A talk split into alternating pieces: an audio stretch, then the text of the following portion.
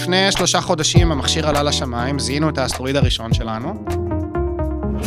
T-minus 10, 9, 8, 7, 6, 5, 4, 3, 2, 1, and liftoff.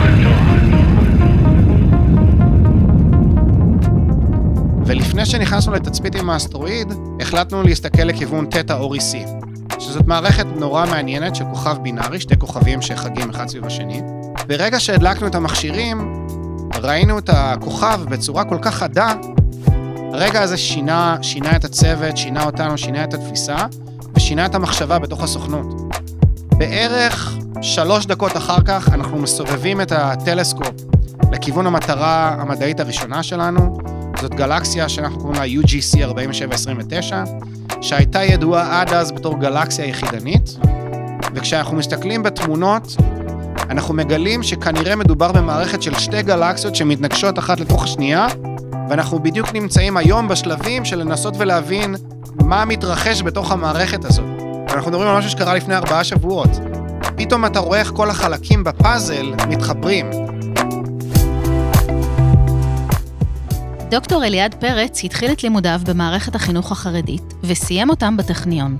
עשר שנים אחרי, בגיל 40, הוא מדען משימות ומכשירים ראשי בחטיבה לחקר השמש בנאס"א. איך העבודה במטעי הזיתים אצל סבא הובילה אותו לשם, על מה הוא עובד היום, ואיך לדעתו אפשר לעודד סקרנות למדע אצל הדור הצעיר. מוזמנות ומוזמנים להאזין לפרק מיוחד של הטכניוניסטים שהקלטנו בוושינגטון. אני רותי דונג, מנכ"לית ארגון בוגרי הטכניון. להאזנה נעימה. הטכניוניסטים, הפודקאסט של ארגון בוגרי הטכניון. אהלן אליעד, היי, נעים מאוד. אנחנו יושבים פה בבית מלון בוושינגטון, בוא נספר אה, ככה למאזינים ולמאזינות, מה אנחנו בכלל עושים פה. התכנסנו כאן אה, ביומיים האחרונים אה, לחגוג את הענקת מדליית נאס"א להישגים יוצאי דופן, שהוענקה לי אתמול במוזיאון האוויר וחלל הלאומי בוושינגטון די.סי, ביחד עם ארגון אגודת ידידי הטכניון. ואנחנו חולקים ביחד אה, גם את, ה, את האירוע הזה וגם אה, מאפשרים לאורחים אה, לבוא וללמוד קצת יותר על סוכנות החלל האמריקאית, ולראות למשל את טלסקופ החלל רומן שישוגר ב-2027, או את החללית PACE ממש מול העיניים שלהם במרחק, במרחק נגיעה, ולחלוק, לחלוק רגעים ביחד, לחלוק חברות ביחד, ולחלוק את המסע הזה שאנחנו קוראים לו החיים. היה לי העונג והכבוד להיות חלק אה, מהאירועים באמת המרשימים האלה שאורגנו על ידי אה, אגודת ידידי הטכניון בארצות הברית. כבוד גדול. אתמול באירוע, אה, ככה אחד הדברים היה באמת אירוע מקסים. אחד הדברים שככה תפסו אותי, זה הוזכר באירוע פילוסופיית החיים של סבא, שממנו ככה הכל התחיל, אז בואו בוא נחזור לשם. אני חושב שאחד מהדברים ש... שליוו אותי במהלך החיים שלי היה שיעורי הילדות שלי עם סבא שלי בעמק יזרעאל. אה, ואפשר לראות את זה בהרבה מקומות, ככה איך אני חולק את התחושות שלי והמחשבות שלי אה, לגבי זה. יש שתי לקחים מרכזיים שאני לקחתי מהחוויות שלי עם סבא שלי הראשונה, אה, של להיות מוכן זה חצי מלהיות בר מזל. וזאת הייתה הדרך המיוחדת שלו להגיד, תמיד תתכנן קדימה, ותמיד תכין את הקרקע לכך שאם ההזדמנות תגיע, תוכל להכות בה בזמן. והחלק השני היה יותר קצת קשור לחוויית ההגירה שלהם לארץ.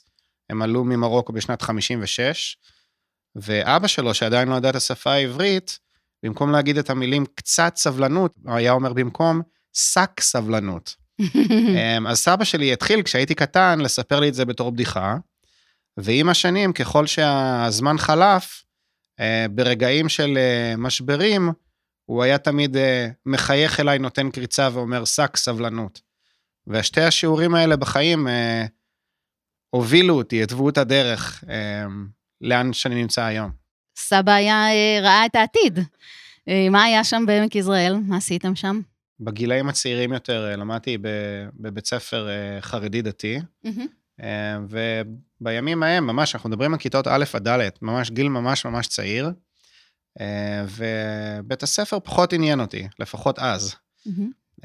ואני מצאתי את החיבור למשפחה ולסבא שלי ועבודת אדמה, ובמקרה הזה גידול של עצי זית. הוא היה הרב של מושב גדיש בעמק יזרעאל, ובין השאר הוא היה גם חקלאי, איש אדמה, היה אדם עובד. עיקר החוויות המעצבות שלי, עוד פעם, כשאני חוזר לילדות, הם בעבודת כפיים במטה הזיתים.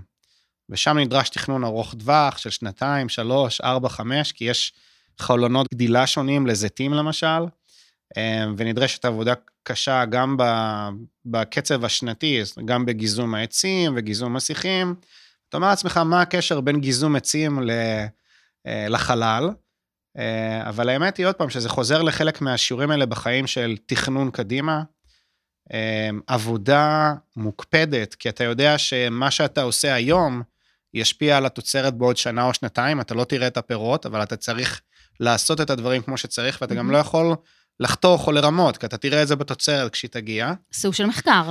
כן, והחוויה הזאת של עבודת אדמה, אני רואה את זה אגב בהרבה תחומים, בתחומי הצבא, בתחומי הממשל, אני רואה את אנשי האדמה ככה צצים להם בכל מיני ענפים, מעניין. ואלה שיעורים מעניינים לחיים. אנחנו נקפוץ קדימה, תספר לנו מה אתה עושה היום.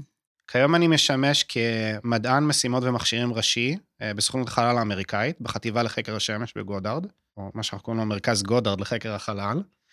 אה, לפני כן אה, הייתי מדען המשימות הראשי של ג'ון מאת'ר, אחראי על פיתוח של משימות חלל חדשות. אה, דוקטור ג'ון מאדר, מאדר, כן. שזכה בפרס נובל בשנת אה, אה, 1906, 2006, אה, 2006, נכון. בפיזיקה, וגם העניק לך אתמול את המדליה. כן, נכון, אמת, וחבר אמת, שזה יותר חשוב מהכל. ולפני כן שימשתי כמנהל פיתוח טכנולוגיות בסוכנות. וכמובן שההיסטוריה הקודמת שהגיעה לפני כן הייתה הרבה יותר ארוכה, כל הדרך מרצפת הייצור של חיישני UV למציאת כוכבי לכת מחוץ למערכת השמש, עד לצמרת אה, של הסוכנות, אה, והשיעורים האלה מלווים אותי בכל צעד, בכל שעל שאני לוקח. הולכים אחורה מילד שלא למד מתמטיקה ואנגלית, נכון? בבית ספר אהה. יסודי בכלל. אה, למישהו שמגיע לטכניון, ואחר כך תוך עשר שנים נמצא במקום שאתה נמצא, איך זה קרה? התמזל מזלי, ואבי שהיה אז איש צבא, אה, נדרש לעבור לדרום כחלק משינוי אה, ארגוני שהיה, וכל המשפחה עברה לאילת. ובאילת, אז בזמנו לא היה בית ספר אה, חרדי או כל דבר אחר, והיה בית ספר ממלכתי-דתי. ובבית ספר הממלכתי-דתי למדנו מתמטיקה, אנגלית. החיבור שלי לעולם החלל מתחיל מהימים ההם שבהם אני יושב או שוכב על הגב אה, במרפסת, אה, בכלל בעמק יזרעאל, וחושב על כוכבים. ואני מבין את החשיבות של התחומים האלה. אני מבין שאני חייב להתמקצע, להתמחות. בגיל נורא צעיר, אתה לא חושב על זה, מדברים על משולשים, פיתגורס, אתה שואל את עצמך, מה בכלל הקשר? אבל בגיל הזה אני כבר הבנתי. הבנתי שזה הכיוון, זה מה שצריך להתמחות בו, והתחלתי לשים תוכנית אה, במחברת שלי, אז זאת הייתה מחברת קטנה. אנחנו מדברים על כיתה ה', בפעם הראשונה שהגעתי לבית ספר הממלכתי-דתי, אה, והתחלתי ללמוד בשיעורי גיאומטריה, ואני זוכר את עצמי יושב על, אה, זה לא היה ספסל, זה היה כמו כזה אה, אה, שורה של עמודים שנמצאת ליד הקיר בכיתה, שאני שוכב ככה אחורה, ואני שואל את עצמי, מה הצעדים הנדרשים בשביל להגיע לאן שאני רוצה להגיע? כבר אז, כי אני אומר את זה לאנשים, הם כל הזמן ככה בחצי פליאה, בכיתה A, באמת, ידעת שאתה רוצה להגיע לסוכנות החלל האמריקאית? התשובה היא כן. ככל שאנחנו נדבר, את תראי שההחלטות בחיים שלי, כשאת מסתכלת עליהן אמ, אחת לאחת, את אומרת, אולי זה צירוף מקרים, אבל כשאת מסתכלת על שרשרת האירועים ושרשרת ההחלטות, את מבינה שזו בעצם הייתה המחשבה המכוונת לאורך כל הדרך. אמ, ואז באמת התחלתי את התוכנית החמש-שנתית הראשונה שלי, תוכנית שאני ממשיך לפתח אותה עד היום. זאת אומרת, אני תמיד מסתכל חמש, עשר שנים קדימה, אה, כחלק מההבנה שלי, או מהשיעורים הראשונים שלמדתי, שיש צורך בזה. זאת אומרת, היכולת להסתכל קדימה ולתכנן היא קריטית, וזה מה, חלק מהסיבות שאני נמצא במקום שאני נמצא בו היום. ומה הייתה אז התוכנית הראשונה? החמש-שנתית הראשונה. למרות שהבנתי שהמטרה היא להגיע לסוכנות החלל האמריקאית, הבנתי שבטווח המיידי הקרוב, מה שנדרש ממני זה לפתח מיומנויות בסיסיות. חלק מהמטרות הראשונות שלי היו למשל להצטיין בלימודי טריגונומטריה. כאילו אתה אומר עוד פעם, מה הקשר? אבל יש קשר, לימודי מתמטיקה, לימודי אנגלית. אלה המקצועות שבעיקר התמקדתי בהם. וזה גם הוביל את המשך מסלול החיים שלי. הבנתי מהר מאוד שבכדי אה, שאני אוכל להגיע ל... ללימודים אקדמיים בסביבה שהייתי מעוניין בה, במקרה הזה הטכניון, אמ, אני אצטרך בסופו של יום אה, סט מסוים של אה, בגרויות, למשל. בגרות חמש יחידות בפיזיקה, בגרות חמש יחידות באנגלית, חמש יחידות במתמטיקה. מאיפה היה לך בכלל את המידע? זאת אומרת, אנשים בסביבה הקרובה שלך, היו לך דמויות שיכולת ללמוד מהן או לשאול אותן? בכיתה ה' זה עדיין נשאר ברמת ה... בוא נחשוב איזה מקצועות רלוונטיים. לבד, אנגלית, זה מת- תהליך שאתה כן, עושה עם עצמך. כן, כן. בעיקר אני זוכר את הטריגונומטרי, כי אני זוכר את הרגעים האלה ככה מאחורי הכיתה. אמ, אבל ככל שאת יודעת, עולים בכיתות, מגיעים לאזור הבגרויות, במקרה שלי, אני בגיל מאוד מוקדם, אה, בגיל 15, נרשמתי לבית ספר אקסטרני, ועד גיל 16 וחצי סיימתי את הבגרויות שלי במתמטיקה, אנגלית וכולי. וידעתי, זאת אומרת, הבנתי מה, מהו מנגנון הקבלה. אז ידעתי איזה בגרויות אני צריך, אני ידעתי שאני כנראה אצטרך לשפר את הציונים שלי, אבל זאת אחת מהסיבות למשל שבחרתי לא לעשות ארבע יחידות במתמטיקה במקום חמש, כי אמרתי, עדיף לקבל ציון יותר נמוך בחמש, אבל להיחשף לחומר, להתפתח, המשך הדרך תגיע אחרי השירות הצבאי. באמת מתוך המחשבה הזאת, וגם השירות הצבאי שלי כיוון לאותה המגמה. זאת אומרת, אמרתי לעצמי, אם אני באמת מתעניין אה, בתעופה וחלל, וזה תחום העניין שהוא מושך אותי, אז המקום הטבעי הבא היה קורס טיס בחיל האוויר. אז אני ממש רואה את מסלול החיים שלי מתכוונן למקומות האלה, מהלימודים עד לשירות הצבאי, ואחר כך למכינה ולטכניון, אה, ומשם לארצות הברית לדוקטורט, והמסלול הזה ממש ככה, כשמסתכלים עליו בפרספקטיבה, לוקחים צעד אחורה ואומרים, רגע, איך, איך לקחנו את כל הפניות הפחות או יותר נכונות בדרך ליעד? אה, התשובה היא ההבנה של מה אתה רוצה לעשות כבר מההתחלה. די מדהים. הטכניוניסטים. הקשר הנורא מעניין בין המסלול האישי שלי למשימות חלל, הוא זה שמשימות חלל הן משימות שבדרך כלל אורכות בין 5 ל-20 שנה, מהמם. והן דורשות תכנון מהסוג הזה. אז אנחנו מוצאים את עצמנו הרבה פעמים, כשאנחנו עובדים על פרויקטים, חושבים על מה יקרה בעוד 20 שנה. אני אתן לך דוגמה על אחת הנחתות שנחתה על מאדים לאחרונה. הייתה שאלה של איזה מעבדים שמים על החללית אה, במהלך המשימה. כי כשהתחלנו לבנות את החללית, התחלנו לעשות את זה לפני יותר מעשור, ואז המעבדים היו מעבדים מהדורות הישנים יותר, אה, וידענו שעד שנגיע לשיגור יהיה מאוחר מדי. אז במקרה הספציפי הזה, ההחלטה של המשימה הזאת נפלה פשוט להישאר עם הטכנולוגיה הקודמת. אה, אבל במציאות, הטכנולוגיה היום שקיימת, אה, בפרסווירנס למשל, אה, היא טכנולוגיה של מחשבים שהם איטיים יותר מהמחשב שבפלאפון שלך. כל היכולת להסתכל קדימה 10-20 שנה לתכנן, היא משהו שבאופן אינטגרלי נכנס למשימות החלל. אני אתן לך דוגמה לאחת מהמשימות הכי מעניינות שאני עובד עליה היום. למשימה קוראים אורקאז, The Orbiting Configurable Artificial Star. אה, זאת משימה אה, שמתעתדת להשתמש בחללית קטנה, שנושאת על גביה קרן לייזר שמאיר בחזרה לכדור הארץ. אה, והמטרה של קרן הלייזר הזאת היא לקייל טלסקופים שנמצאים על פני כדור הארץ. למה אנחנו מעוניינים בזה? כי אם נוכל לעשות את זה, אז הטלסקופים הכי גדולים שיש לאנושות להציע, יוכלו לשמש כטלסקופים שיש להם איכויות כמו של טלסקופי חלל. האטמוספירה יש לה מגבלות משלה. בתחילת הדרך הבנו שחייבות להיות הדגמות בסיסיות לפני שהמשימה תוכל לטוס. אז ההדגמה הראשונה היא, בוא נראה שטלסקופים על פני כדור הארץ אכן יכולים לצפות באור הנראה אה, במגבלות ה- האופטיקה. ומה שאני אה, מתכוון אליו הוא זה שאנחנו רוצים להראות שטלסקופ שנמצא על פני כדור הארץ, יכול להביא את אותה איכות של טלסקופ שנמצא בחלל באותו הגודל. אז הצעד הראשון היה לפתח את כל המכשור הנדרש על פני הקרקע בשביל לעשות את זה. הצעד השני היה מחקר שהוא היה מחקר אה, נורא מרתק, אה, שבו ניסינו להבין איזה אסטרואידים שקיימים בחגורות האסטרואידים מסביב לכדור הארץ, הם בהירים מספיק ונעים בתנועה המתאימה לחללית ועוברות ליד תחנה מדעית אה, מעניינת. והחלק השלישי היה איך לחבר את שתי הדברים האלה ביחד בשביל לייצר הדגמה של המערכת בזמן אמת, איך שהיא פועלת. לפני שלושה חודשים המכשיר עלה לשמיים, זיהינו את האסטרואיד הראשון שלנו, ולפני שנכנסנו לתצפית עם האסטרואיד, החלטנו להסתכל לכיוון תטא אורי C, שזאת מערכת נורא מעניינת של כוכב בינארי, שתי כוכבים שחגים אחד סביב השני, וברגע שהדלקנו את המכשירים, ראינו את הכוכב בצורה כל כך חדה, שהשווי של הערך של הרזולוציה של התמונה, של איכות התמונה, הייתה כמו של טלסקופ 10 מטר בחלל. והרגע הזה שינה, שינה את הצוות, שינה אותנו, שינה את התפיסה, ושינה את המחשבה בתוך הסוכנות. בערך שלוש דקות אחר כך, אנחנו מסובבים את הטלסקופ לכיוון המטרה המדעית הראשונה שלנו. זאת גלקסיה שאנחנו קוראים לה UGC 4729, מהמם. שהייתה ידועה עד אז בתור גלקסיה יחידנית.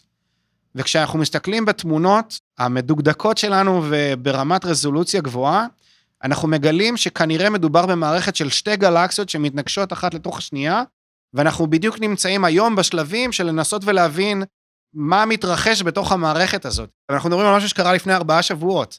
פתאום אתה רואה איך כל החלקים בפאזל מתחברים. משהו שעבדת עליו לפני שלוש שנים בשביל לפתח מכשיר. משהו שעבדת עליו שנה אחר כך בשביל לפתח יכולת לבצע תצפיות עם אסטרואידים. ואז בצורה שאתה מחבר את שניהם ביחד למטרות המדעיות של המחקר, ואתה נועץ כזאת סיכה בבלון הזה, שכולנו חשבנו על מהי הדרך הנכונה לעשות את הדברים, ולהביא את המשימות קדימה. זאת אחת מהמשימות שהכי משכו אותי, כי היא שונה. כולנו יכולים לבנות טלסקופ חלל, כולנו יכולים לבנות טלסקופ UV, או כשאני אומר כולנו, אני מתכוון ארגוני החלל, זה מה שאנחנו יודעים לעשות, אבל אותי תמיד משכו הרעיונות ה... שנמצאים על הקצה, שמנסים לפרק את המעטפת, מהמם. שיש בהם אתגר. זה היה ממש אה, חוויה, חוויה מעצבת. אגב, זכינו אה, לא מזמן, בערך לפני שלושה חודשים, במענק לפיתוח של כל המכשור בצד של החללית, מסוכנות החלל האמריקאית, ואנחנו צועדים לעבר, בתקווה, למשימת חלל מאושרת. אז באמת, אה, הת- ה- הקצב וה, וה...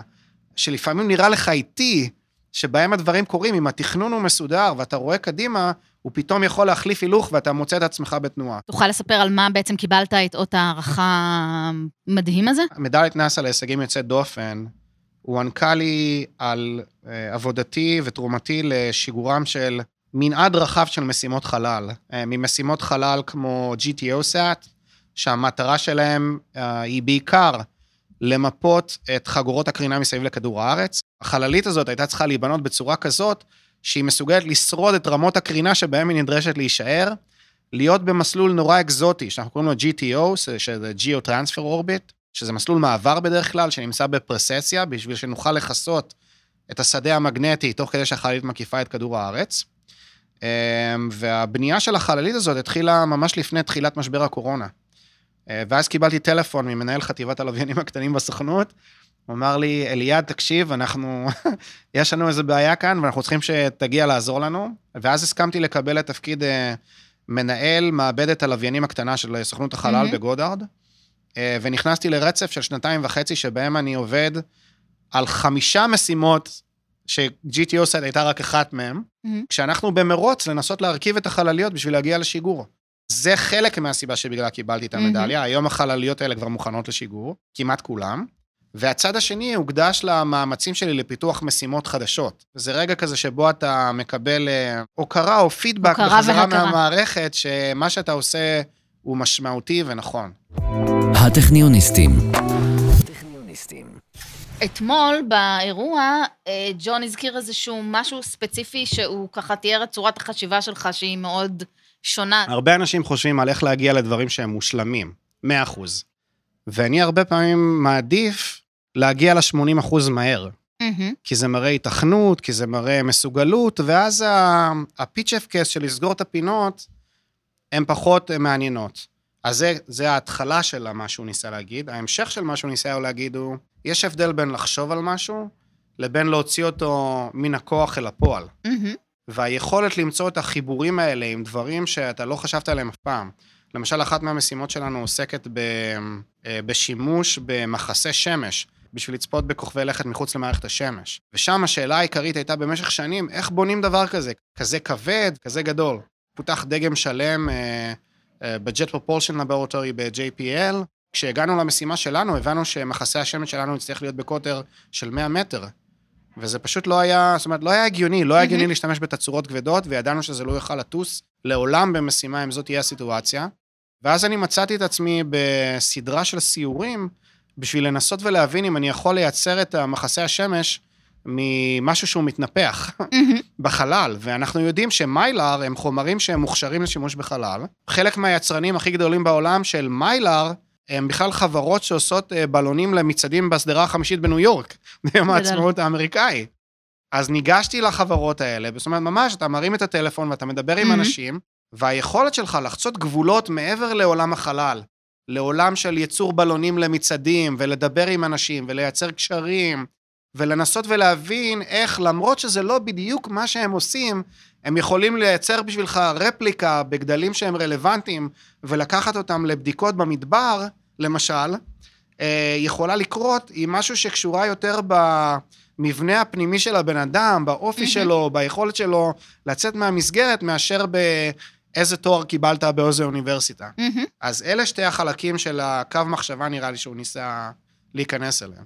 קו מחשבה שאתה חושב שיש לזה קשר, כן, בכל זאת, לכלים שקיבלת בטכניון? הרבה בוגרים דווקא כן מציינים את זה שהם חושבים אחרת. זאת אומרת, תחשוב על דברים בצורה שונה. אני חושב שחשיבה מקורית היא מגיעה מהיכולת שלנו ל- לנתח מידע חדש שמגיע אליך, להבין אותו בצורה עמוקה, ואז קורה איזה קסם במוח שלך.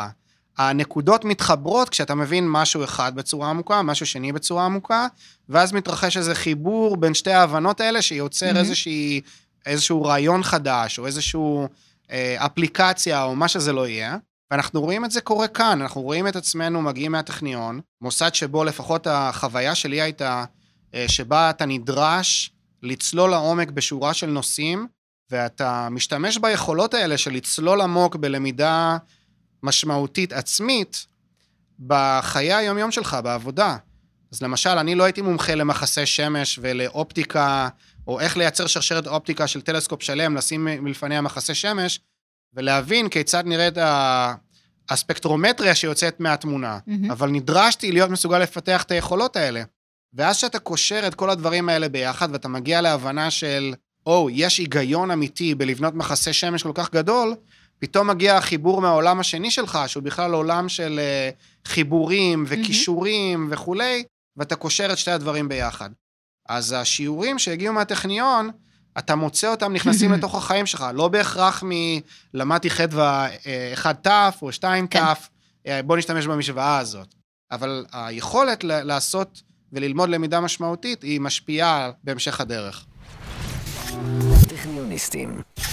אחד מהפיתוחים הכי משמעותיים שאני מעורב בו היום, הוא פיתוח של אה, מקמי לייזר, אה, שמשמשים אותנו להתמצאות בגופים פלנטריים, בעיקר בתוך מערכת השמש. זה נשמע קצת מצחיק, אבל המשימה הקודמת שדיברנו עליה, של שימוש בקרן לייזר בשביל לחוש את כדור הארץ, היא זאתי שעשתה את החיבור בין שתי העולמות האלה בשבילי. אז את באמת רואה ככה, שנייה במאמר מוסגר, מהמם. איך היכולת חשיבה קריטית ולמידה עצמית מרשה לך להתנייד מתחום שלכאורה הוא בעולם האסטרונומיה, לתחום שהוא לכאורה אה, בעולם החקר הפלנטרי, אה, דרך פיתוחי טכנולוגיות. אז בחזרה לפיתוחי מקמי הלייזר, אה, חלק מהאתגרים שעומדים בפני רוברים שינחתו על הירח בעשור הקרוב, היא היכולת לנווט על פני השטח של הירח בתנאי תאורה משתנים. למשל, אם אתה נוחת בקוטב הדרומי של הירח, אתה תצפה לראות את השמש בגובה נורא נמוך על האופק, כשהשמש מכוונת ישר לתוך העיניים של מערכות הראייה שלך. אז אם למשל ברוברים כמו פרסווירנס שנמצא על מאדים, יש לנו מספר מצלמות שנמצאות על הרובר עצמו, שעוזרות לנו בחישה וניווט, אנחנו מתחילים להבין שבסביבות אחרות זה לא הולך לקרות. מהמם. אז בירח, למשל, זאת התאורה, אבל על פני טייטן, הירח של Saturn, אנחנו יודעים שהאטמוספירה היא נורא צפופה. אז יש סיבות שונות ללמה אה, מצלמות לא מספיק טובות לפעול בצורה אוטונומית בשביל הרכבים האלה, והיכולת לייצר מערכות שחשות באמצעות לייזר את פני השטח של הקרקע, את הטופוגרפיה, אפילו משמשות למדידות מדעיות, מהמם. היא קריטית. אז במקרה שלי, אני התחלתי מפיתוחים, עוד פעם, של מערכות לייזר, שעוסקות בכלל בתחום האסטרונומיה, אבל אחד מתתי הפיתוחים שם עסק ביכולת לקחת אורכי גל מסוימים של הלייזר אה, ולקצר אותם. מהמם. ואורכי הגל האלה הם נדרשים בשביל המשימות האחרות. אז בשביל הנחיתה על הירח, למשל, פיתחנו מערכת אה, ליידר חלוצית. אין שימוש במקמי ליידר על מהמם. גופים פלנטריים, אה, ואנחנו נדרשנו מטעם הסוכנות לייצר את היכולת הזאת בשביל הסוכנות, אה, וזה היה מהלך של אה, כמעט שנתיים וחצי של פיתוח, השקעה של כמעט 20 מיליון דולר בפיתוח של התוכנית עצמה. אני שימשתי כמנהל התוכנית. אה, ואנחנו רואים את עצמנו נעים לכיוון ה... ממש מקונספציה, מהבנה של תיאורטית איך המערכת אמורה לראות, שלב התכנון, כל הדרך עד לשלב הייצור, אה, והבדיקה, אה, והיום אנחנו נכנסים ממש לשלב, ה- מה שנקרא, האריזה וההעברה של הטכנולוגיה קדימה. מהמם. ותוך כדי שאנחנו מפתחים את המערכת הזאת, אנחנו מקבלים צלצול מהחברים שלנו אה, במקומות אחרים, שאומרים לנו, גם לנו נדרשת מערכת אה, מקם לייזר בשביל לבצע חישה על פני טייטן, ובמקרה הזה עם octocopter, זאת אומרת אה, רחפן, שרחף באטמוספירה של טייטן, והם נדרשים גם כן למקמי lidar. אז כל החיבור, עוד פעם, החיבורים האלה שהחיים מזמנים לנו, מהמם. וזה חוזר בש... בחזרה לשיעורים הקודמים. אה, חצי מלהיות בר מזל זה להיות מוכן. אז אם אתה מוכן, אם אתה מבין מה אתה עושה, אתה מבין את החשיבות, את המשמעות, החיים מוצאים לנו חיבורים מעניינים. זו הזדמנות מעולה לשאול על דברים שקורים בתעשייה באופן כללי. אנחנו ראיינו פה את אה, אדריכלית מיכל זיסו, אדריכלית חלל. מצוינת אגב, אני מכיר אותה באופן אישי, נכון. שמחתי לשמוע את היא הפודקאסט דיברה שלה. עליך, והיא דיברה על זה שאנחנו נמצאים באיזשהו רגע שהוא מאוד מיוחד, אה, שבו חברות פרטיות נכנסות בעצם לתעשייה. קודם כל, ההבחנה היא נכונה, אנחנו באמת רואים חדירה גדולה, אה, גדולה מאוד אפילו, הייתי אומר, של חברות מסחריות לתחום, אה, לתחום החלל. אנחנו רואים את זה פחות בתחום החקר של החלל, אנחנו רואים את זה בעיקר בתחומים שבהם אה, יש רב שימושיות, אה, למשל שיגורים, שכולנו מכירים, עם החברות המוכרות והשמות המוכרים. שינוי מבורך לדעתי. כן. ואנחנו גם רואים את זה אט-אט בפיתוח של חלליות למשל, בפיתוח של תת-מערכות, שאפשר לקנות אותן אוף דה שלף ומוכנות לשימוש. ואני רואה בזה התפתחות שהיא כמעט התפתחות טבעית. אה, בסופו של יום, תפקידה של סוכנות החלל הוא להוביל את חזית המחקר והפיתוח של תחום החלל, אה, ואנחנו מעודדים את התעשיות לפתח יכולות עצמאיות, בשביל שאנחנו נוכל להתמקד במה שאנחנו חושבים שהם האתגרים העתידיים. אז אם למשל אנחנו מדברים על מקמי הלייזר של מקודם, אז הכדאיות הכלכלית בפיתוח המק"מים האלה לחברות מסחריות, למשל, היא נמוכה יותר. אז לנו יש עניין בפיתוח הטכנולוגיות האלה, כי היא חלק מ, אה, הייתי אומר, אסטרטגיית החקר שלנו. אז אני נורא שמח, קודם כל, לראות את ההצלחות של חברות מסחריות, וגם את הכישלונות. אני חושב שהראייה של 0-1 בחלל, של התרסקות או התפוצצות היא כישלון, היא... זה בהקשר היא של ראייה מטה, ההתפוצצות של כן. SpaceX, כן, של מ- החללית. כן, אה, מבלי להתייחס למקרים ספציפיים, הייתי אומר שהדרך היא לא פחות חשובה מהתוצאה. מהמם. וכשאת מסתכלת, אה, אם למשל נתת את SpaceX כדוגמה, אז שווה להסתכל למשל על משגר הפלקון. וכל ההיסטוריה של הכישלונות שהובילה להצלחה המסחררת שלו היום בשיגור המסחרי. מהמם. אז אני רואה את זה כחלק ממגמה כללית שנעה, עוד פעם, אני לא מסתכל בחלונות של חצי שנה, שנה, שנתיים, חמש, עשר, עשרים שנה קדימה. אני חושב שכל הצעדים האלה שאנחנו רואים הם, הם הצלחות מבחינתי, הצלחות מבורכות אפילו. חברות ישראליות מעורבות, אתה רואה איזשהו, אה, איזושהי התפתחות גם באזור הזה? אני רואה מספר חברות ישראליות שפועלות בתחומי החלל, אה, מבלי להיכנס לדוגמאות ספציפיות. יש מספר נקודות חוזקה בשוק הישראלי שמאפשרות לחברות האלה להתפתח ולגדול. אה, הייתי רוצה לראות הרבה יותר פיתוח של טכנולוגיות שנוגעות בתחומי חקר החלל האזרחי, או אפילו שימושים אזרחיים בחלל. אה, למשל, אחת מהחברות שאני אה, עוקב אחריהן כבר זמן מה, למשל, היא אקיוביט. אה, חברה שמפתחת שעונים אטומיים, שיש להם יישומים למטרות מדעיות רבות, ושם מדובר באמת בטכנולוגיה בסיסית, אתה יכול למדוד זמן ברמת דיוק גבוהה, עם משהו שהוא, יש לו השפעה רחבה על משימות חלל. מהמם. אז זאת דוגמה למשהו פרקטי שאני יכול לראות, נכנס למשימה בשלב מסוים בהמשך הדרך, כדוגמה. ויש פיתוח טכנולוגיות שהן נותנות השראה לאומה, או משימות חלל שנותנות השראה. מהמם. השראה. אני חושב שבראשית אחת ובראשית שתיים, הן משימות שנותנות השראה לציבור הישראלי, לרוח הישראלית, אה, לחברות הישראליות, אה, ובאמת, זה כיף גדול לראות את, אה, את ההצלחות הישראליות. מצד שני, יש לנו עוד כברת דרך גדולה לעשות, ואני נורא שמח לראות, ואני מקווה שזה באמת יקרה, שיהיו השקעות משמעותיות יותר בתחום החלל, ואני עוד אשמח עוד יותר לראות עוד ועוד משימות מגיעות מבית היוצר של סוכנות החלל הישראלית וארגונים אחרים, אה, ולראות את התחום גדל ומתפתח בישראל. אני חושבת שאולי זו גם הזדמנות אה, לדבר על אה, חינוך. ככה לקראת הרעיון אה, כתבתי בטוויטר שאני מראיינת אותך וביקשתי שאלות, אה, ואחת השאלות שעלתה היא באמת על נושא של מה צריך לעשות אה, כדי להשקיע בדור העתיד, או כדי להביא אה, יותר ילדים וילדות אה, לתחומים המדעיים. אני לא יודע אם, אם אי פעם דיברנו על זה, אבל אני מעורב בצורה מסיבית בחינוך לחלל בישראל. תפיסת העולם שלי אומרת שאומנם בית הספר הוא המקום שבו אנחנו אמורים אה, לרכוש מיומנויות למידה ספציפיות, למשל מתמטיקה, אנגלית וכולי, אבל תפיסת העולם שלי אומרת שלמידה חווייתית היא יותר משמעותית מלמידה פרטנית שתגיע בשלב מאוחר יותר. בעיקר במסלול החיים הטיפוסי בישראל. כשאתה יוצא לשירות צבאי ואתה חוזר בחזרה, ובכל מקרה אתה תעשה רענון ובגרויות ופסיכומטרי וכל מה שיגיע. מהמם. אז עיקר הפרויקטים שלי שפועלים בארץ עוסקים ב... בחינוך דרך חוויה. אני אתן לך דוגמה ל... לאחד מהפרויקטים שאני מוביל בישראל, אה, זאת היוזמה לחיפוש וגילוי אסטרואידים, בשיתוף פעולה אה, עם סוכנות החלל האמריקאית, גם כן. אה, ומה שאנחנו עושים שם, ייצרנו מערכת שבה מגיעים קבוצות של תלמידים מבתי ספר, מרכזי חינוך שונים, אגב, גם מהגיל המאוחר, זאת אומרת, תתפלאי מהמם. לראות את, אה, את הקבוצות הגיל השונות שמגיעות אלינו, והם עוסקים בגילוי וחקר של אסטרואידים.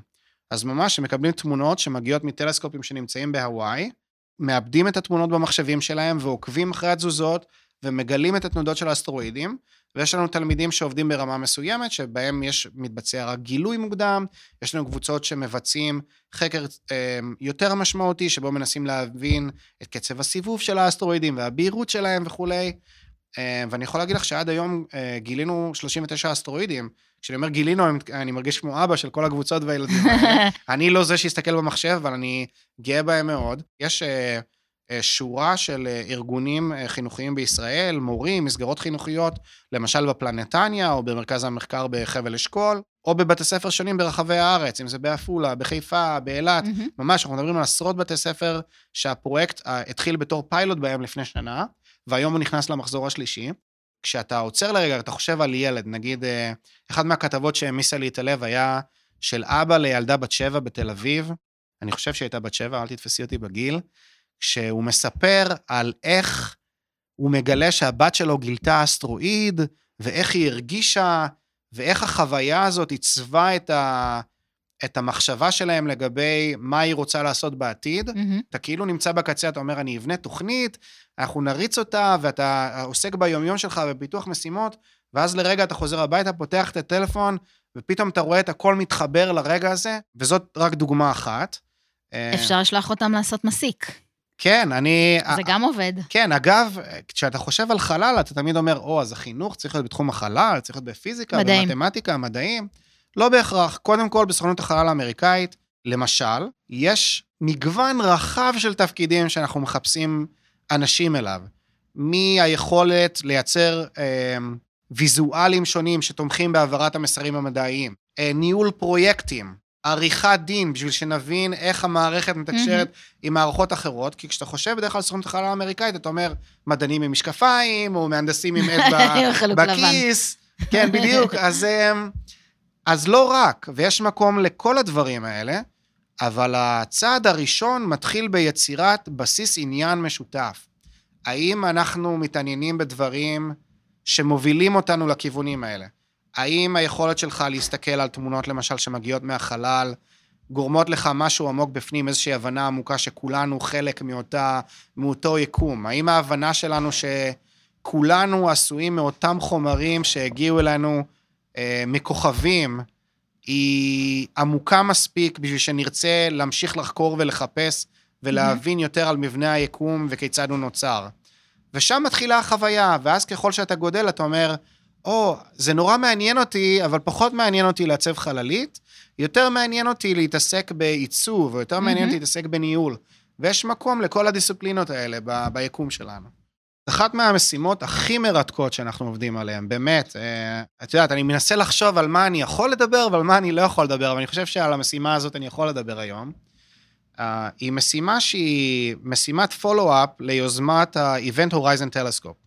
אז לאלו בינינו שלא מכירים את ה-Event Horizon Telescope, מדובר ביוזמה שעושה שימוש במספר רב של טלסקופי רדיו על פני כדור הארץ, בשביל לאפשר את הצפייה בחורים שחורים, או בצורה נורא ספציפית, את החור השחור במרכז הגלקסיה שלנו למשל. וכולנו זוכרים את התמונה מהפנטת כמעט של החור השחור במרכז הגלקסיה שלנו, שהתפרסמה על פני הניו יורק טיימס, לא, לא מכבר, ואת האנשים שהובילו את היוזמה הזאת. אז אחד מהם היה כמובן אחד מהאורחים בטקס שלנו, אה, שפ דולמן, והצעד הבא המתבקש היה, מכיוון שהסיבה שהם השתמשו במספר טלסקופים הייתה בכדי לייצר הפרדה מרחבית בין הטלסקופים, בשביל שנוכל לייצר רזולוציה גבוהה יותר של התמונה, אחת המחשבות שעלתה טבעית בראש שלנו היא, למה שלא נשים טלסקופ בחלל, שישמש כעצם שירחיב את הבסיס הזה? ולפני שלוש שנים בערך, או שנתיים וחצי, היוזמה יצאה לדרך, אה, והתחלנו בהגדרת היעדים המדעיים של המשימה, אה, והתקדמנו קדימה. אה, והיום אנחנו ממש מדברים שבועיים לפני הטיסה שלי להרווארד, בשביל שנוכל לעצב סופית, להיסגר על הארכיטקטורה של המשימה, ובצורה עוד יותר ספציפית, החללית. מה גודל האנטנה, באיזה מסלול תהיה החללית, וכל זאת בשביל לאפשר לנו צפייה יותר חדה, זאת אומרת, היכולת לראות את הטבעות עצמם שנמצאות מסביב לחור השחור, וגם היכולת לייצר סרטים שינועו עם הזמן בשביל שנוכל להבין בצורה יותר טובה את מבנה החור השחור, את התנהגות החומר בו, פליטת החומר, אה, מה שאנחנו קוראים ה-Event Horizon של החור השחור. אז באמת, את יודעת, אנחנו, אני מוצא את עצמי עובד על משימות מרתקות שונות שנעות בין תחומים, ממציאת כוכבי לכת מחוץ למערכת השמש, ועד לחור השחור שבמרכז הגלקסיה שלנו, מטייטן לירח, ולרגע אתה... את, את שומעת את זה כמעט בקול שלי, לרגע אתה מבין שהגעת למקום שבו אתה צריך להיות. וואו. עצות לסטודנטית המתחילה, או לסטודנט. הטיפ הראשון שלי הוא חוזר בחזרה לסבא שלי. שק סבלנות. לפעמים כשאתה בתוך התואר, עמוק בתוך הלימודים, אתה מרגיש את המשקל של המוסד על הכתפיים שלך. גם המוסד, הכוונה הטכניון. ברגעים האלה צריך לעצור, ככה לנשום עמוק, לקחת פרספקטיבה, לצאת החוצה ולהבין שבעוד שלוש, ארבע, חמש, שש שנים אתה תסתכל לאחור, וזאת תהיה חוויה מעצבת. זה נורא דומה למשהו שקורה אצלי בבית היום. יש לי שלושה ילדות קטנות, שושנה בת חמש, רות בת שלוש, ואפרת בת שמונה חודשים. וכשיש לך ילדים קטנים, במקרה שלי, זמן השינה מתחיל בשבע, ושתי הילדות יושבות בשתי הצדדים שלי במיטה, מחבקות אותי, אבל הן צורחות לי באוזניים משבע עד עשר, אמא, אמא, אמא, אמא, או מאמה, מאמה, מאמה, מאמה. וכשאתה בתוך הסיר הלחץ הזה, קל מאוד uh, לכעוס, או לקבל רגשות שליליים. אבל uh, אשתי, uh, שהיא סופרסטאר בפני עצמה, דוקטור רבי גולדמן, היא יועצת לבית הלבן בענייני מדיניות, אומרת לי, קח לרגע אוויר, תחשוב אם היית בן 80 והילדים לא היו בבית, כמה היית רוצה לחזור לרגע הזה. אותו דבר בטכניון. אותו דבר בדיוק, אנחנו נמצאים בתקופה שהיא תקופה אה, מאתגרת.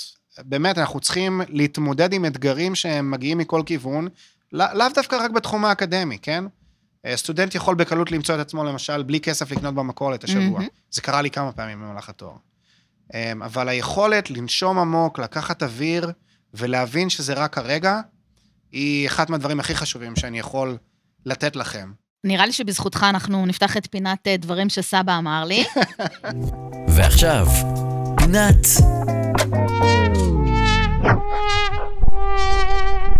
הכישלון. הדרך היא יותר רצופה בכישלונות מאשר בהצלחות, לכל אחד. קל להסתכל על נקודות הקצה, אתה מצליח כאן, או המדליה שם, או משהו קרה בדרך. שורה של כישלונות. זאת אומרת, תראי, למשל, אני לא סיימתי את קורס טיס בחיל האוויר. זה כישלון שבאותו רגע היה נראה לי כמו כישלון אה, מחפיר כמעט, התביישתי בעצמי באותו mm-hmm. הרגע. אז זו דוגמה של כישלון אחד. אמ, לחלק מאיתנו זה כישלון, אה, או כישלון בעיניים שלנו, למשל, אם לא הצלחת בקורס מסוים, או משהו לא הלך כמו שצריך בתחום האקדמי. אז השורה של הכישלונות היא, היא רצופה. כולם אומרים את זה תמיד, נכון? הם אומרים, לומדים מהכישלונות וצריך ללמוד ולהמשיך ללכת, אבל יש הבדל בין לשמוע את זה, לבין להבין את זה, לתת לזה לרדת עמוק לתוך הנפש שלך, לחוות את הכישלון ולצעוד קדימה. יש לי פגישות בכל בוקר עם, אה, עם ג'ון לפני שאנחנו יוצאים לעבודה, בשביל לתאם מה הולכים לעשות היום, מה הולך לקרות, ותמיד תמיד כשאנחנו מדברים, אני אומר לו, אני כבר נכשלתי את שלושת הכישלונות שלי הבוקר. מה שהם לא היו, אם זה היה עם הילדות או עם הזה, אז זה חלק מהמסע שלנו, ואני אני שמח, שמח שזה ככה, וזה חלק מה, מהחוויה המעצבת שלנו. אז אולי השם כישלון הוא לא מתאים. אולי הם, שיעורים לחיים. כן. מה אתה הכי אוהב בטכניון? אחד מהדברים שאני הכי אהבתי בטכניון, הוא הרב-לאומיות והיכולת למצוא חיבורים שונים ומשונים. במקרה שלי, אשתי, שהכרתי אותה בטכניון, וזה היה רק אפשרי, כי בארגון כמו הטכניון, מלגות שהיו למשל מלגות. בינלאומיות, כמו Fulbright, שאבי הגיעה דרכה, מצאה את עצמה במעבדה של גיטי פריי, בהנדס- בפקולטה להנדסת חומרים, למשל. מדהים. אז היכולת הזאת אה, אה, לבוא במגע עם שורה של אנשים שונים, טיפוסים שונים, מרקעים שונים, היא זאתי שמאפשרת גם חיבורים חדשים. טכניוניסטים. רציתי לשאול אותך, איך אתה רואה את המקום של בינה מלאכותית, צ'אט GPT ודברים מהסוג הזה, קצת מתחיל להיות נדוש, אבל אנחנו מדברים על זה כמעט בכל פרק. פחות רוצה לדבר על זה מהזווית האקדמית, יותר הייתי רוצה לדבר על זה מהזווית של חיי היומיום שלי. אני אתן לך דוגמה. אה, כשאני מגיע לפגישות, לפעמים אני מוצא את עצמי בשתיים או שלושה פגישות במקביל, ואני עושה שימוש בתוכנות שונות, שהן תוכנות בינה מלאכותית, בשביל לקחת את הטקסט שמגיע מהפגישה, לסכם לי אותה, לתת לי את הנקודות העיקריות, נקודות לפעולה, מהמם. ומחשבות לעתיד. והיכולת לקצר את הזמן שלי, במקום שאני אבזבז 40-50 דקות עכשיו על לנסות לסכם את השיחה מהמם. ולהיות מרוכז בשיחה ולא להתבדר יותר מדי, מאפשרת לי לבצע מספר משימות במקביל. אז ההשפעה של הטכנולוגיות האלה בחיי היומיום האישיים שלי, כבר היום, היא ממשית, אני מרגיש אותה. אמ, אני לא רוצה להיכנס לעולם קצת אחר, שגם אותו ניסיתי לטעום ממנו, למשל, עולם שבו אתה משתמש בצ'אט GPT דרך אפליקציה אחרת, שאני לא אזכיר את השם שלה, חברה מסחרית, שתתקשר ביחד עם האימייל שלי בשביל להגיב לאנשים שכותבים לי על בסיס ההתכתבויות הקודמות שלי איתם. אז uh, החיבור הזה של בינה מלאכותית ל, לשימוש בחיי היומיום של העבודה שלי, עד לפני שישה חודשים לא היה קיים. והיום הוא מתחיל לשחק תפקיד, אז זה סוג אחד של חיבור לעולם הזה, שהוא משמעותי. אגב, שום דבר לא מושלם, הוא דורש ממני לקרוא, להבין, להאזין, בטוח שדברים מתבססים בדרך. הדבר השני שאני עושה עם, צ'אט, או עם uh, תוכנות בינה מלאכותית, הוא אני מנהל איתם uh, דיונים אינטלקטואליים. או, אוקיי. או אפילו אקדמיים, בשביל שיהיה לי מערכת שהיא, אני אעשה quote on quote אובייקטיבית, שתוכל לנהל איתי שיחה. אז למשל, הקבוצה של האנשים בעולם שמפתחים מחסי שמש למטרות מחקר, היא קבוצה מאוד מצומצמת. ואני החלטתי לנסות ולהבין אם המערכות האלה מסוגלות להיכנס לנושאים סבוכים, ולנהל איתי דיון מעמיק בשביל שאני אוכל, את יודעת, למצוא נקודות מחשבה שונות. מהמם. מה שעשיתי היה בהתחלה לשאול אותו על מחסי שמש ומה השימושים שלהם וכולי, ואז במהלך שיחה איתו הוא אומר לי, כן, מחסי שמש משמשים לצרכים א', ב' וג', אבל לשימושים בחלל. ואז אני כמובן התחלתי במהלך השיחה להגיד לו, בעצם מה שאתה אומר הוא לא נכון, יש גם שימושים עם טלסקופים על פני כדור הארץ. ואז אני מקבל תגובה בחזרה שאומרת, כן, קראתי את המאמר שפרסמת, אה, אבל הטכנולוגיה שלך לא ברמת פיתוח גבוהה כמו הפיתוח בטכנולוגיית החלל. אמרתי לו, נכון, אבל האיכות הצפויה מהטלסקופים האלה היא גבוהה יותר. ואז הוא חזר בחזרה למאמר הקודם שמישהו אחר פרסם ואמר, המשימת החלל הגדולה הבאה בעצם לא ביטלה את האפשרות או את האופציה שהיא תהיה עם מחסי שמש.